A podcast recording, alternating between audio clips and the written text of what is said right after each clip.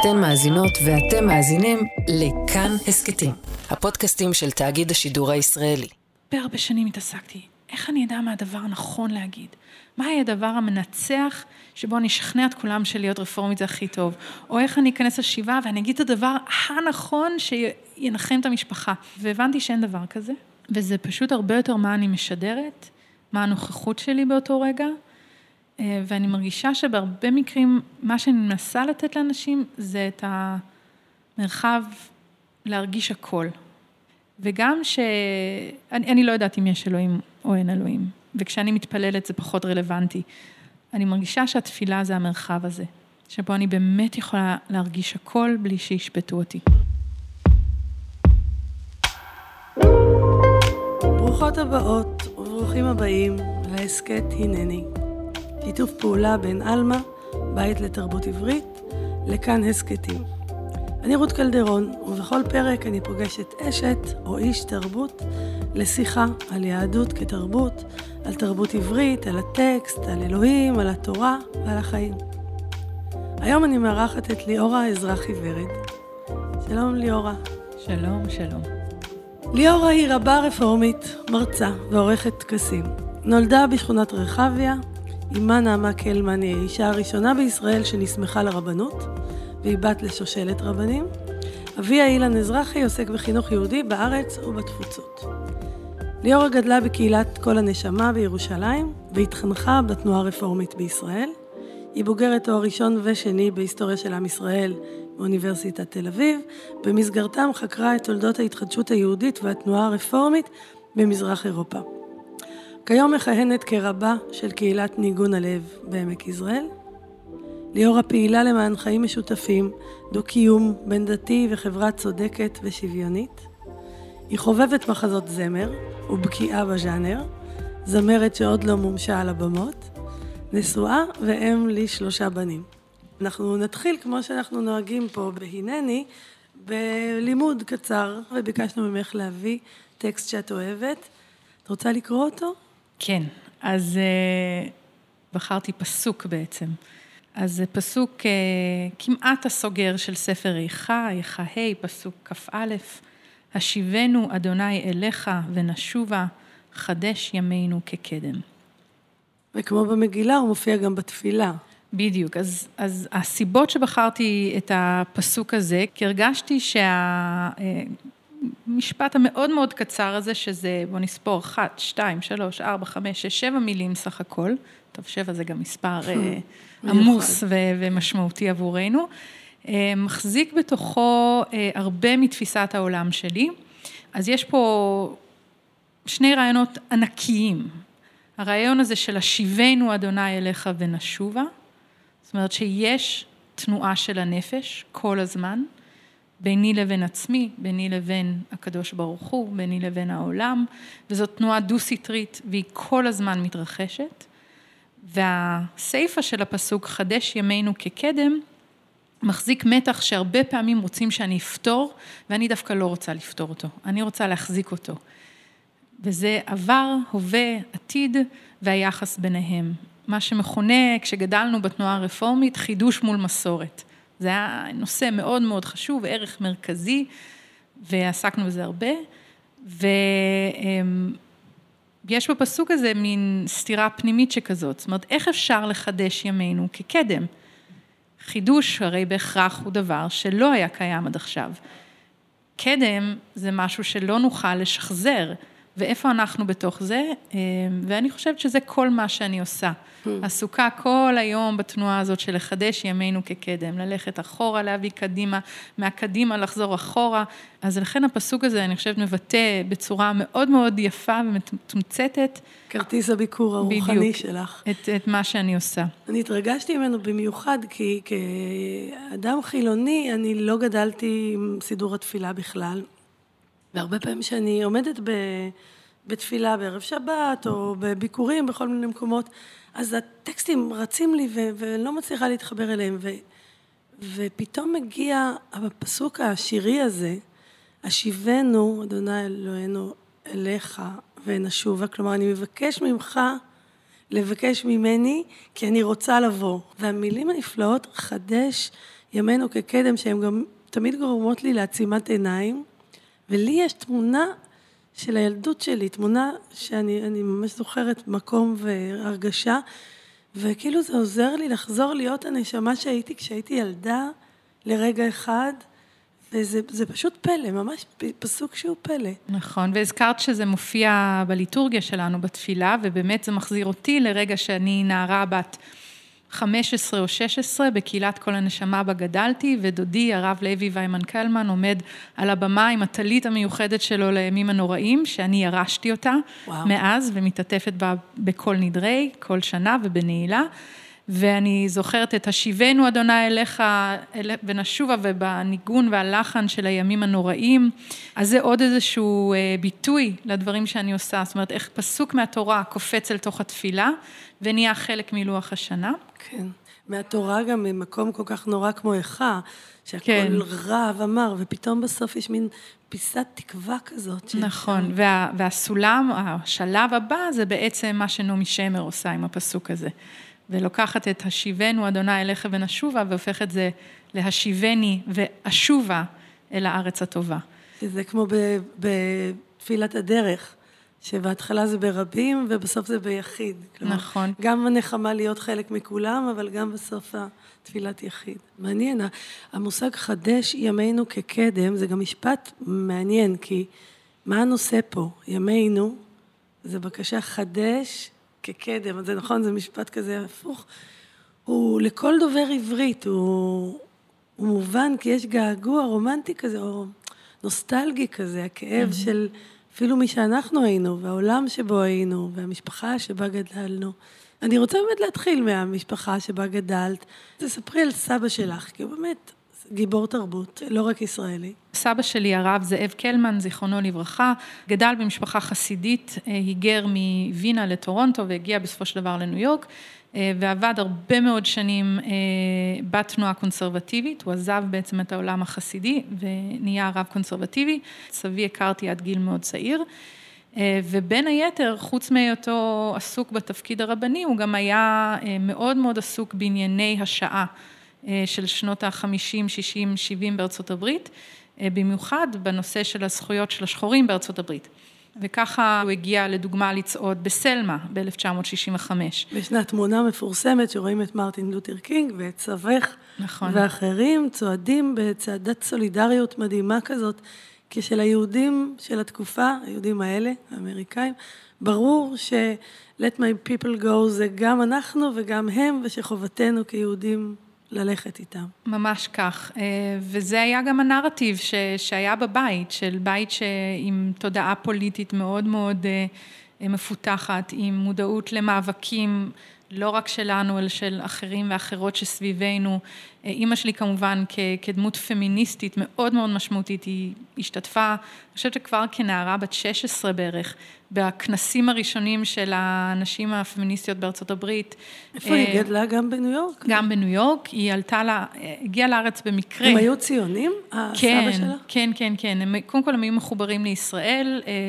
אה, כשאימא שלי הייתה בת שמונה, היא עשתה, הם היו פה לשבתון ב-1963.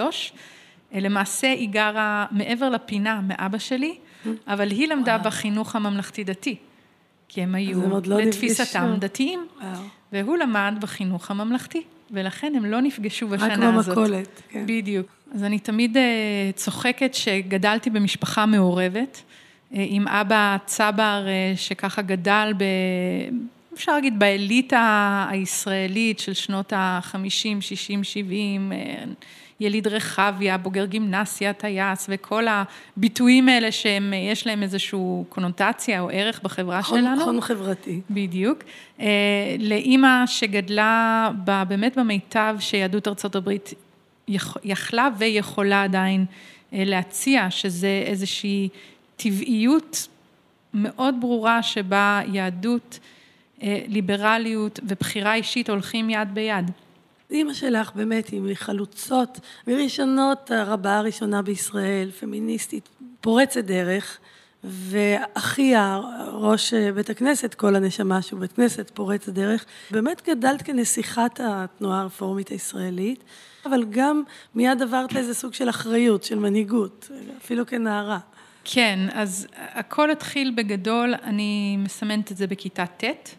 אה, בשנה הזאת אה, גם הייתי בקורס הדרכה של תנועת הנוער הרפורמית והתחלנו להתנסות במה שמכונה המעמד, שזה בעצם הכינוי לתפילה, אה, שבו בעצם בתנועת הנוער לכל אחד יש את, ואחת יש את הזכות להוביל, ליצור, לכתוב תפילות, אז כבר הייתי באיזשהו מהלך שכזה. ובאותה שנה דודי יצא לשנת שבתון, וחברי קהילה החליפו אותו בהובלת התפילות. ובאיזשהו שלב, חושבת שאימא שלי אמרה, אולי את תחליפי אותו פעם אחת. בכיתה ט'? י'? כן, בכיתה ט'. את אומרת? אמ, כן, הייתי ממש צעירה. ואמיצה. כן, אז אמרתי, בסדר, למה לא? והיא הכשירה אותי, קשוחה מאוד, אימא שלי, יש לה סטנדרטים גבוהים, ממש עשינו הכנות וזה. הגיע היום שאנחנו מדברים על כל הנשמה בתקופה שבאמת היא הייתה אחת הקהילות הבודדות. בעולם, אה, לא, בעולם, אני לא הכרתי דבר כזה ממש, בשום מקום. מיוחדת במינה. אז היו 500 איש בקבלת שבת הזאת, אני זוכרת את זה. ומה את היית צריכה להוביל? הובלתי את הכל. את כל קבלת הכל, השבת. מהניגון פתיחה ועד הניגון הסיום, הכל, הכל, הכל. מה עשו איתך בבת מצווה? בטח עלית לתורה גם? בוודאי. אני זוכרת שלא למדתי באופן מסודר, כי בגלל האוזן המוזיקלית שלי הייתי יושבת בבית הכנסת ומחברת בין הטעמים לבין מה שהחזן או חזנית או בעלת הקריאה קוראים, וככה לימדתי את עצמי לקרוא בתורה. אז כמובן שקראתי גם פרשה וגם הפטרה וגם הנחיתי חלק מהתפילות. זה היה כבר נהוג אז שהבנות כן, עולות כן, לתורה? כן, כן, כן, לגמרי. כי זה כמו ארץ אחרת מתל אביב שבה אני גדלתי. לא, זה היה מובן מאליו ש, שזה יקרה, גם לא ניתנה לי בחירה בעניין, והאמת שגם כבר שנה אחרי התחלתי ללמד ילדים וילדות בעצמי. רצית להיות רבה? חשבת להיות רבה? אז, אז זה מסובך קצת. לא רציתי להיות רבה, לא כי היה לי משהו נגד הרבנות, אלא כי ראיתי את עצמי יותר כאשת חינוך. עבדתי הרבה שנים בתנועת הנוער, הייתי קצינת חינוך בצבא, אה, אחר כך מיד השתחררתי. איפה היית בצבא? הייתי בחטיבה 460, אה, קורס מפקדי טנקים, קורס קציני שריון. אז מתי עברת מלהיות מחנכת, אה, להסכים להיכנס לרבנות? אז עבדתי באמת כמה שנים טובות כמדריכה ובתפקידים חינוכיים במכינה הקדם צבאית של התנועה הרפורמית ובתנועת הנוער, וכל הזמן במקביל עשיתי דברים רבניים בהתנדבות. כלומר, לימדתי ילדות וילדים לקרוא בתורה, חיזנתי, הובלתי טקסים, או בכל הנשמה, או בבית תפילה ישראלית, שהייתי שם מאוד מעורבת, גרנו אז בתל אביב, ולימדתי במכינה קורס שלם על תולדות היהדות המתקדמת וזרמים ביהדות, ולימדתי בית מדרש, זאת אומרת, כבר בעצם עשיתי את הדברים האלה, ומדי שנה היו מתקשרים אליי מה Hebrew Union College בירושלים, אמרו לי, נו, מתי את באה ללמוד רבנות? ואני כל הזמן אמרתי, לא, אני לא רבה, אני החברת קהילה הכי מעולה שרציתם. זאת שתמיד תבוא לקרוא בתורה כשאתם צריכים, וזאת שתהיה בוועדת הסידור וכולי. גם לא להיכנס לאימא למטבח. קודם כל, אימא שלי הייתה ועודנה הדיקן של ה Hebrew Union College, אז הרגשתי שזה לא נכון. וגם הייתי עדיין בתואר ראשון, לקולג' צריך להגיע לפחות עם תואר ראשון, יש שם דרישות אקדמיות. וכשהתקרבתי לגיל 30, אמרתי, אוקיי, עכשיו אני מתחילה לחשוב על זה ברצינות, אבל יש לי כמה דברים שאני רוצה להשיג לפני. אמרתי, אחד, אני רוצה להיות אימא. שתיים, אני רוצה שיהיו לי מספיק הישגים מקצועיים משלי, שאני לא אהיה הבת של אילן ונעמה בכל תחום. ושאני ארגיש שזאת השליחות שלי באמת. אז חיכיתי לשלושת הדברים האלה, וכשהם הגיעו, אז הלכתי ללמוד רבנות. זה השיבני והשובה. בדיוק. ובמה את שונה מהשושלת שלך? מה את מרגישה שהוא הקול הייחודי שלך? זאת שאלה שאני מתעסקת בה הרבה. אני חושבת שכל מי שהוא דור שני, לא משנה כמעט באיזה תחום, שואל, שואלת את עצמה את השאלות האלה. אני חושבת שהשילוב שלי הוא קודם כל להיות נטועה מאוד מאוד היטב בחוויה הישראלית. אמא שלי ישראלית לכל דבר, אבל היא בכל זאת הגיעה לפה בגיל 21, היא עברה מסלול אחר.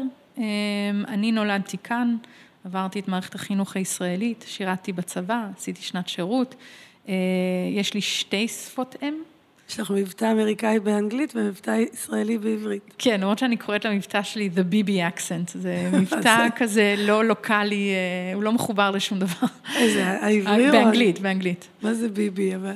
כי זה מבטא אמריקאי לא אה, ספציפית גיאוגרפית, אה. זאת אומרת, זה לא חוף מזרחי, זה לא חוף מערבי, זה לא צפון, זה לא דרום, זה לא מידווסט, זה לא זה. זה- יהודי.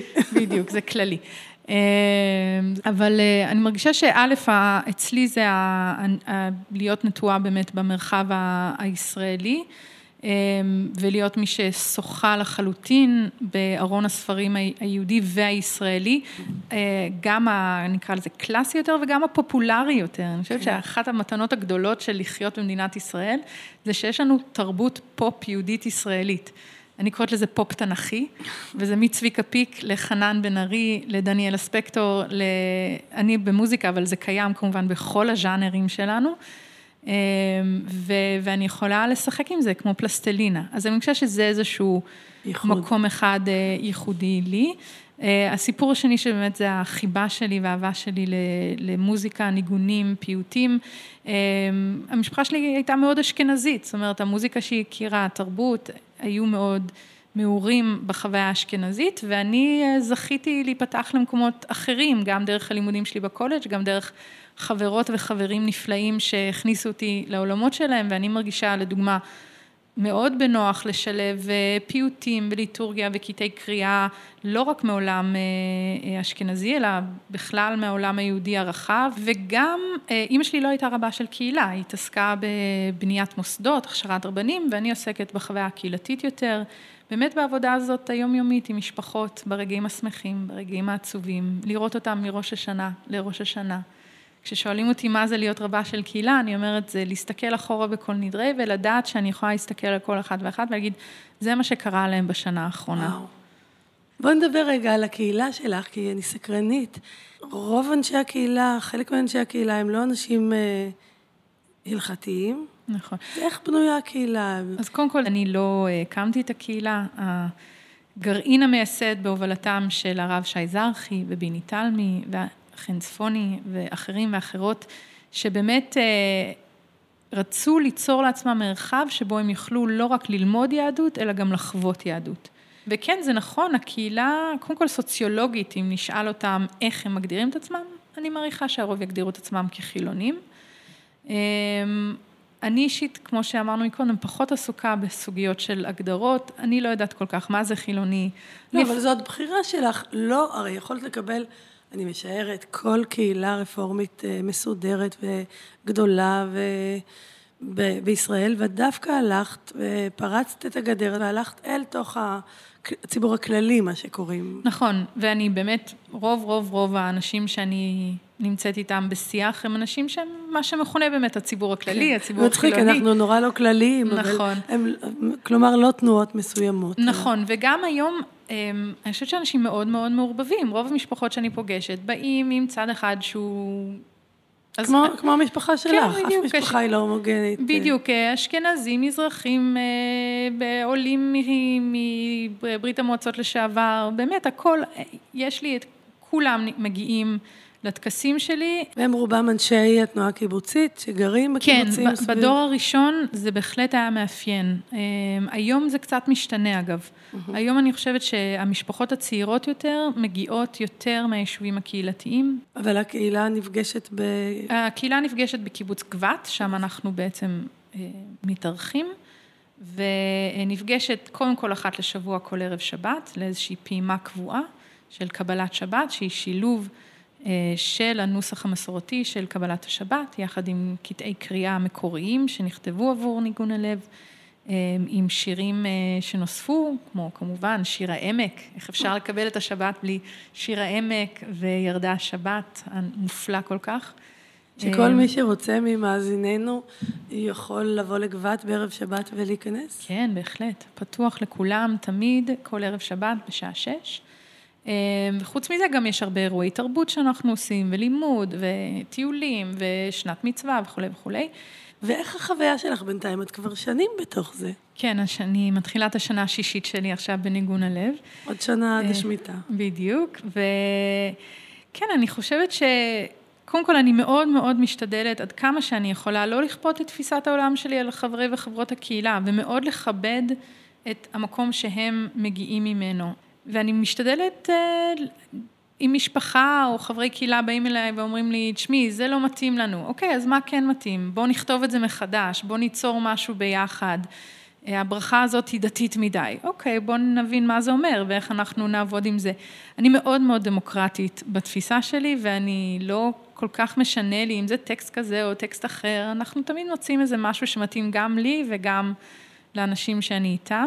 איך את, את אישה צעירה, אימא, אבל באמת צעירה, איך את ניגשת אל משפחה שחווה אובדן?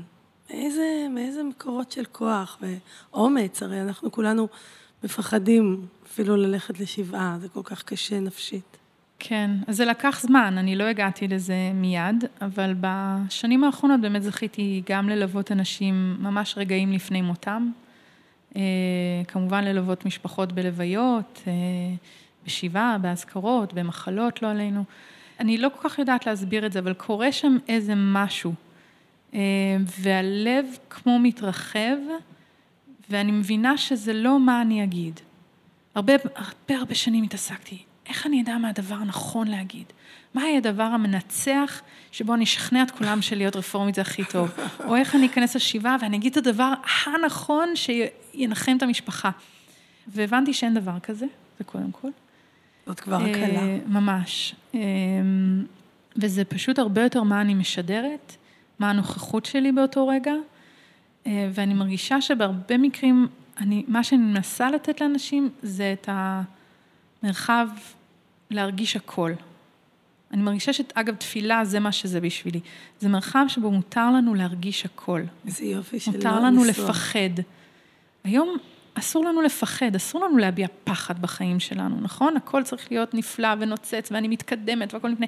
להגיד שאני חלשה, שאני מפוחדת, שאני כאובה, שליבי שפוף, אין הרבה מרחבים להגיד את זה. ואני מרגישה שזה מקום שאני נמצאת בו, שבו אני יכולה להיות עם אנשים במקום הזה, וגם ש... אני, אני לא יודעת אם יש אלוהים או אין אלוהים, וכשאני מתפללת זה פחות רלוונטי. אני מרגישה שהתפילה זה המרחב הזה, שבו אני באמת יכולה להרגיש הכל בלי שישפטו אותי. שנוצר מקום מוגן כזה, מקום שבו כן. אפשר להיות אנושי. נכון, ואם אני לא יודעת להגיד את זה לבד, אז יש הצעות. אני יכולה להגיד את זה במילים של התפילה, או במילים של שירה, או במנגינה, או בניגון ללא מילים. יש הרבה דרכים לעשות את זה, אבל אני רוצה לתת לאנשים את המקום הזה, שהם יוכלו באמת באמת להיות מי שהם. איזה יופי. בקהילה שלכם בעמק יזרעאל, יש לה אה, זהות של תנועה? לא, זאת קהילה עצמאית, ישראלית. אה, ישראלית, שרואה את עצמה, אם כבר ממשיכה איזושהי תפיסת עולם חלוצית אה, של העמק, מאוד מחוברת לאדמות ממש, לטבע, לאדמה. עברתם גם לגור בעמק, נכון? עברנו גם לגור בעמק, אמנם לא ביישוב חקלאי, אבל אנחנו גרים בעמק יזרעאל. ו... ועבורי בשבילי להיות רפורמית זה משהו שהוא א' מאוד פנימי ואישי, זה לא מונע ממני להיות בשום מקום אחר, לפחות אני משתדלת שזה לא, אמ, וזאת איזושהי מסורת, זאת כמו שיש לי מסורת חסידית, יש לי מסורת זה רפורמית. זה בית, בית אבא ואימא שלה. בדיוק. למה בכלל צריך זרמים ותנועות? כי הרי היהדות העולמית היא לא כל כך חזקה, וזקוקה לכל האנרגיה שלה, והם... גם אדם לא חייב, לא יכול אפילו לדעתי להיות מחויב כל חייו לתפיסה אחת. ואני בטוחה שאת מרגישה בבית, גם בבית כנסת, קונסרבטיבי כמו סבך, או חסידי כמו סבך. למה בכלל עוד תנועות? את לא חושבת שהגיע הזמן שלנו לשזור את זה לאיזה צמא משותפת? זאת שאלה מצוינת. אני גם תמיד אוהבת לספר את הסיפור, איך לפני 60 שנה, כשבאמת רצו ככה... לבנות את התנועה הרפורמית בישראל בצורה ממוסדת, אז התקשר הרב אשר הירש, זיכרונו לברכה, שהיה ממנהיגי התנועה הרפורמית אז, אל סבי, הרב זאב קלמן, זיכרונו לברכה, שאז מאושיות התנועה הקונסרבטיבית, ואמר, אנחנו מתחילים עכשיו לבנות קהילות בישראל, בואו נתאחד. אף אחד לא לבד. באמת יבין את ההבדלים בינינו בישראל. בואו ננסה לעשות את זה ביחד. וסבא שלי אמר כן, אבל מוסדות, אנשים, כספים, וכולי, מנעו את הדבר הזה. אני שואלת את עצמי אם זה לא המוסדות שמנציחים את עצמם, ואנחנו האנשים, כי הרי יכולתי בקלות להיוולד רפורמית, והייתי מתה על התנועה. הייתי יכולה להיוולד חרדית, והייתי מרגישה בבית. כלומר, יש לי הרגשה תמיד של רצון לאחד כוחות מול אתגר זהותי במדינה כל כך גדול, ועדיין הכוח מתפזר לו ל... לכנסיות כנסיות שונות. כן. אז אני גם, אני תמיד אומרת שעבורי להיות אה, אדם רפורמי אה, זאת לא מטרה. הרפורמיות היא דרך להגיע להיותי אדם יהודי. כן. אז אני חושבת שהסיפור של, יש ערך לתנועות במובן של הכשרות ובמובן של אה, קונסולידציה. זאת אומרת, יש פה המון חוכמה וידע בעולם. צריך ספריות, צריך מבנים, צריך אנשים שיעסקו בזה. אני חושבת שגם לא מכירים מספיק בישראל את תפיסת העולם הרפורמית ומה שהיא נתנה לעולם. זהו, אז חשבתי להגיד, מה, בואי, בואי נגיד, או תגידי לי, מה הדבר הנפלא, היפה, ככה, מזוקק, ש, שהוא ייחודי לתנועה הרפורמית, שאפשר לאהוב? עבורי זה הזכות הגדולה להיות בשיחה מתמדת מול המקורות שלנו, אה, ולהיות גם כל הזמן בהסתכלות על העולם הרחב. ולקחת הרבה אחריות על איך לחבר בין השניים האלה ולמצוא את הדרך הנכונה לי, לי, למשפחתי, לקהילתי. אמ, אני חושבת שהיכול הזאת באמת בביטחון לבחור מה נכון, במובן העמוק, לא במובן, אה, הרבה פעמים אומרים זה מה שנוח. לא, זה לא עניין של נוח, זה עניין של מה אני מאמינה בו.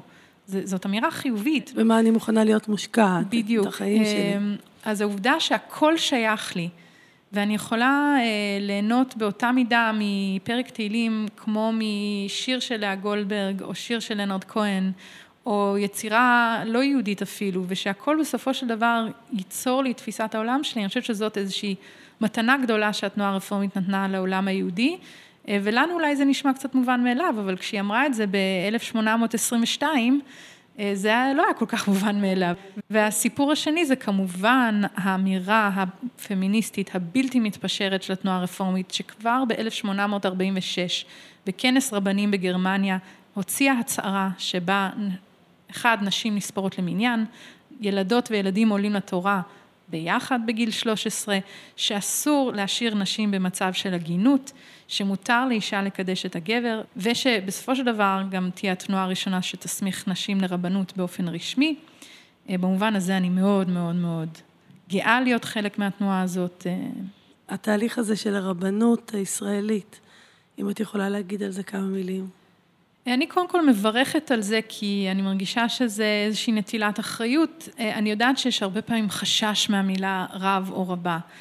אה, ואולי בהפוך על הפוך, בגלל שגדלתי עם כל כך הרבה רבנים בחיים שלי, אני לא ראיתי את זה כאיזשהו משהו בלתי מושג, או אנשים שהם מעל אחרים. ראיתי רבנים אה, נהנים, אוהבים, חשים שליחות אדירה, וגם ראיתי את רגעי התסכול.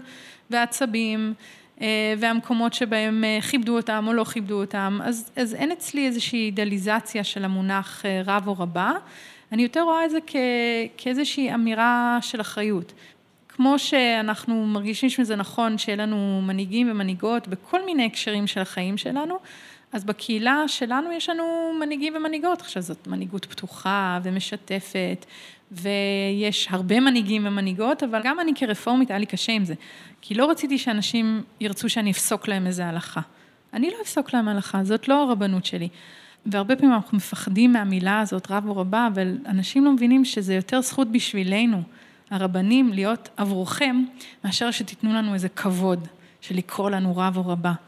זה יותר זכות לנו ללוות אתכם ברגעים האלה מאשר אה, הפוך.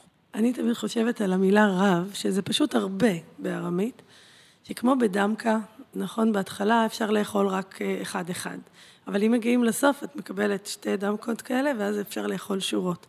שרב הוא כמו אדם שהגיע במסע הרוחני שלו לסוף, והוא עכשיו הרבה אדם. וכמו שתיארת קודם, וגם שמעתי עלייך סיפורים מאוד מאוד מרגשים, על איך את יודעת ללוות אנשים ברגעים קשים, אני חושבת שאת בהחלט הרבה. רק להגיד שבאמת אני חושבת שלהיות רבת קהילה בכלל ולהיות אה, מובילה רוחנית בניגון הלב, זה אחת הזכויות הגדולות שניתנו לי. כן ירבו הרבות והרבנים. אני רוצה שתגידי עוד דבר אחד שלך יש אליו אה, הבנה מיוחדת, הקשר עם התפוצות, מה שנקרא, עם חוץ לארץ בכלל, עם יהודים בתפוצות בפרט. יש לך איזה פעילות שוטפת עם חו"ל, לקהילה שלכם, משהו שאת היית אה, חושבת שכדאי שיהיה? אמ, כן, קודם כל יש לנו קשרים כבר כמה שנים עם כמה קהילות, יש לנו תקופות שזה יותר אינטנסיבי, פחות אינטנסיבי, שאנחנו מארחים ומתארחים. בעיניי זה, זה דבר מאוד מאוד חשוב. קודם כל, אני חיה את זה באופן פנימי, בנשמה שלי. זאת אומרת, יש לי צד שמזדעק לפעמים כיהודייה אמריקאית, למרות כן. שאני חיה כאן. אה, ואז יש לי את הצד היהודי הישראלי שלי, שמזדעק מולו, או משוחח איתו. אה, אז אצלי זה קיים באופן מאוד אורגני. ואני זוכרת שכילדה הרגשתי המון תסכול, אמרתי, למה ישראלים לא מעניין אותם מה קורה שם? זה כל כך מעניין, זה כל כך נחמד. כן. הם עושים כאלה דברים, הם שרים שירים של הביטלס בערב שבת, איזה כיף. כן. ולא הבנתי למה אה, החבר הממוצע שלי לספסל לימודים, זה לא עניין אותו כל כך. ואני חושבת שזה... זאת באמת חידה. כן, זאת חידה באמת. א', רחוק מהעין, רחוק מהלב. זאת אומרת, מצד אחד לפעמים התסכול הזה של אני רוצה שנהיה כל כך קרובים, אבל אנחנו מדברים שפות שונות, ואת, ובתור מי שבאמת דוברת את שתי השפות ואת שתי התרבויות, אני יודעת כמה יש פערים כן. בין שניהם. אבל אז אני גם אומרת לעצמי, רגע, רגע, רגע, אבל הדברים האלה מחלחלים לאט, ולפעמים בדרכים מאוד מאוד מפתיעות. ופתאום משהו שאני ראיתי לפני עשור באיזה קהילה יהודית בארצות הברית, מופיע לי פה בישראל באופן כן. אחר לגמרי, וזה נהדר. היה לישראל תפיסה של עצמה שהיא אירופית, והיה כאן פרנקופיליות מאוד חזקה. ואמריקה הייתה המתחרה התרבותי, ההשפעה התרבותית נכון, המתחרה. נכון, ואמריקה בסופו של דבר, כאילו, רצו בארץ להקים יהודי חדש, אבל בארצות הברית כבר היה יהודי חדש, הם כבר הצליחו. כן. אה, מה שכן, אנחנו, אני חושבת שאנחנו לא תמיד נותנים מספיק קרדיט. ליהודי ארצות הברית שכן עלו לארץ ועשו פה דברים נפלאים שמשפיעים עד היום. הנריאטה סולד, לדוגמה. בזכותה יש לנו בגדול קופות חולים, טיפת חלב, בתי חולים. היא עשתה כל כך הרבה פה, וגם העלתה ארצה תפיסה יהודית ליברלית. היה לה קהילה שוויונית שהתפללה בשנות ה-20 בירושלים. אה, יהודה לייב מגנס, שהיה מ... הנשיא הראשון של האוניברסיטה העברית. היו כל מיני דמויות כאלה שהרבה פעמים נדחקים, כי הם לא היו... הם לא היו חלק מהתנועה המסודרת, הם היו יותר אנשי שוליים, וחבל. התפיסה שלנו אה, של אמריקה היא אה, מקדונלד ולא העומק בדיוק. התרבותי. זה, טוב, זה משפט. אה, כזה של אימא שלי. רציתם שנביא לכם את המקדונלדס והקוקה קולה שלנו, אבל מה עם הערכים הדמוקרטיים שלנו? אמ, יש מכתב שאבא שלי כותב לאימא שלי ב-55 מקנזס, אמריקה, והיא בתל אביב, והיא שואלת אותו, נו, מה זה קוקה קולה? יש מכנסיים כאלה שאומרים, קוראים לזה ג'ינס, כדאי אולי תבדוק את זה. והוא מספר לה שלקחו אותו לבקר בבית כנסת רפורמי, והוא המום, ואז הוא אומר, שאני אחזור, אני הייתי רוצה שאנחנו גם כן נעשה קידוש, זה נראה לי דבר מאוד יפה. אז כל, כל מה שחשבתי שהמסורתיות שלי היא בולגרית, היא בכלל דרך קנזס. שאלות קצרות אלייך. איך לדעתך נראה גן עדן? או, זאת שאלה מעולה. בספר חנוך יש איזה תיאור שחנוך עולה ופוגש את מיכאל שר הפנים, והוא אומר לו, הנה, יש פה את כל התשובות לכל השאלות. בשבילי גן עדן זה המקום שבו כל הידע האנושי קיים, וגם יש תשובות לכל השאלות המציקות האלה. נהדר. איך את נחה? עם ספר טוב, אה, פלייליסט של מחזות זמר, נאמר פה כבר. שאלתי את עצמי, מה את שומעת בדרך מהעמק לכאן ברדיו? לגמרי מחזות זמר. מחזות, באמת? כן, אני, אני אקשיב למחזמר ואשאיר לי כל הדרך, כן, כן, כן, בהחלט. איזה ספר ישראלי מהחדשים היית רוצה שנתרגם ושכל יהודי העולם, כל יהודי אמריקה יקראו? כי אני תמיד מרגישה שהם לא שותפים לספרות ולתרבות העכשווית. כאילו, הם יודעים עמיחי אחד, דוד גרוסמן אחד. נכון. אז באמת אני אלך על שירה אולי, כי, כי אני, אני קוראת מאוד מוזר, אני אגיד, אני קוראת רומנים באנגלית, ספרות עיונית בעברית, שירה רק בעברית, וואו. אמ, ומוזיקה גם וגם. מעניין. אז אה, המוח שלי מפוצל ככה.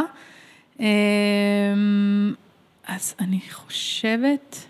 יאלי שנר ועדי קיסר. ש... שיכירו גם חברינו וחברותינו ש... שם. בדיוק, שיכירו את השירה הישראלית הבועטת, שככה היא הראי של החברה שלנו היום. ואיזה ספר את היית רוצה לכתוב?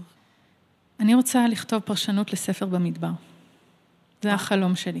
למה דווקא במדבר? אני חושבת שבמדבר זה מין ספר כזה שתמיד קצת שוכחים ממנו. נכון. כי בראשית זה וואו, בריאת העולם, סיפורי אבות ואימות וכולי, ויקרא אף אחד לא אוהב. נכון, מתעצבנים. מאוד פעם ויקרא.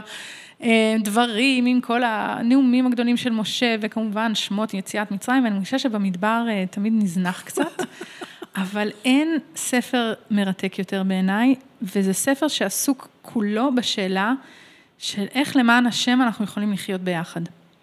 אה, ואיך אנחנו יכולים לשנות את המציאות שלנו, ומה אנחנו עושים כשאנשים הם מרגיזים אותנו, ואיך המנהיג מתמודד עם משברים של מנהיגות, וכל כך הרבה דוגמאות, איך אנחנו יכולות לפרוץ דרך.